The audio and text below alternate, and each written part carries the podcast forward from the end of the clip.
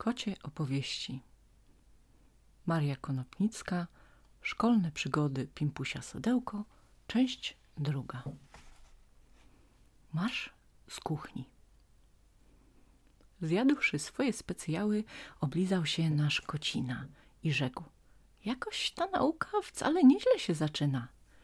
Chwalić Boga, że rodzice do takiej mnie dali szkoły, gdzie prócz tańca i jedzenia obce inne są mozoły. No, co prawda już i w domu do tegom się nie sposobił. Pytam nawet, niech kto powie, co ja bym nad książką robił. Muszę tylko do spiżarni i do kuchni poznać drogę, a najpierwszym uczniem w szkole na mój honor zostać mogę. Jakoż e, dobrał sobie Pimpuś kompanijkę tęgich kotów i wyprawił się do kuchni. Na naukę dalszą gotów. Biegną jeden przez drugiego i dalejże do kucharki. A, dzień dobry, pani Piętka. Przyszliśmy tu zajrzeć w garnki.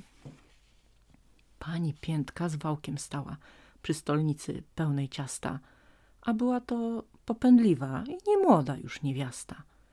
Jak zobaczy owe koty, jak nie krzyknie na nich z góry. Ale niuchy, a nie cnoty, a marsz z kuchni w mysie dziury. Jaki taki bliższy proga umknął zręcznie przed pogonią, a zaś reszta się spotkała z pani Piętki twardą dłonią. Płacze Kizia, Sofinetka, płacze Pimpuś nasz uczony i ze wstydem się wynoszą, pospuszczawszy w dół ogony. Katastrofa.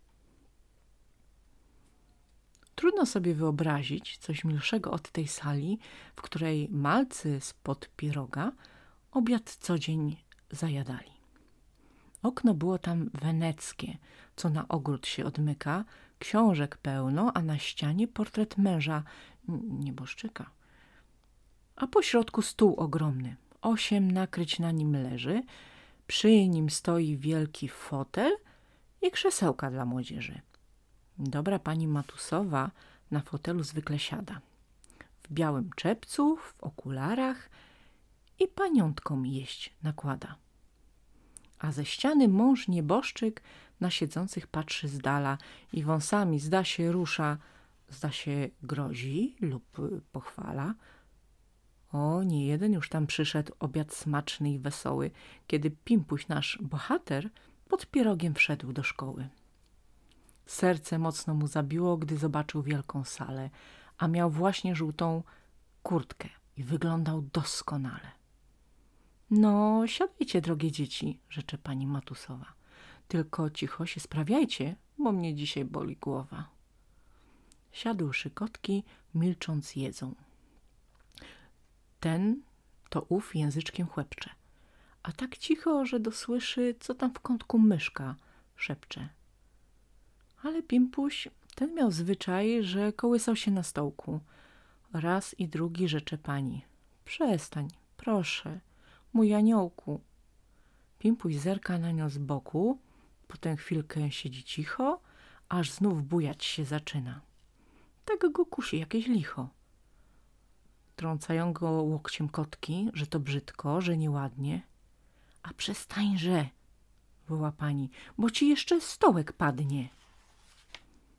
Ledwie słów tych domówiła. Rym, jak długi pimpuś leży. Za nim obrus, za obrusem, grat, miseczek i talerzy. Korzystając z chwili koty, gwałt się robi niesłychany.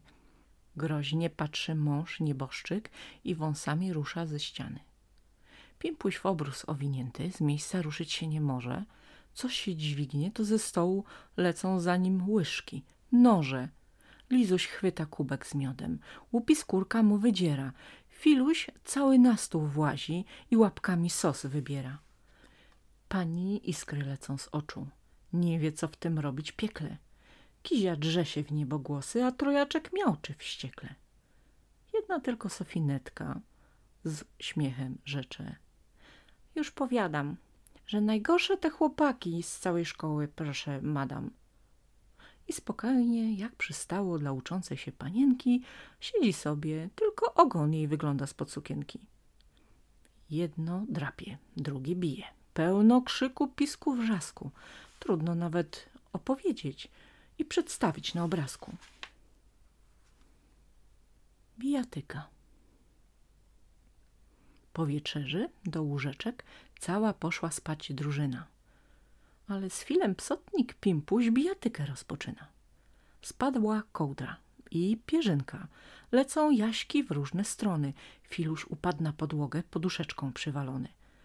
Reszta kotków, hyc, na ziemię i do figlów, hejże dalej. Pościągali prześcieradła, całą pościel pościągali. Wtem ze świecą wchodzi pani. Co za rwetes, co za krzyki, a do łóżka, spać mi zaraz. No czekajcie, swawolniki. Jak tam poszła cała sprawa, jak się wszystko to skończyło, o tym nawet, drogie dzieci, wspominać mi nie miło. Tyle tylko wam opowiem, że nazajutrz przez dzień cały kotki wody nanosiły, prześcieradła prać musiały.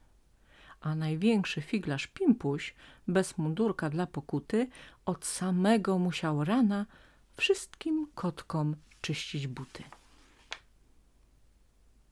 Pimpuś buty czyści. Głos. Gdzie te nóżki chodziły? Co te budki znosiły? Chór. A mój miły panie, chodziły po łanie, a na łanie stoi rosa w majowe zaranie. Głos.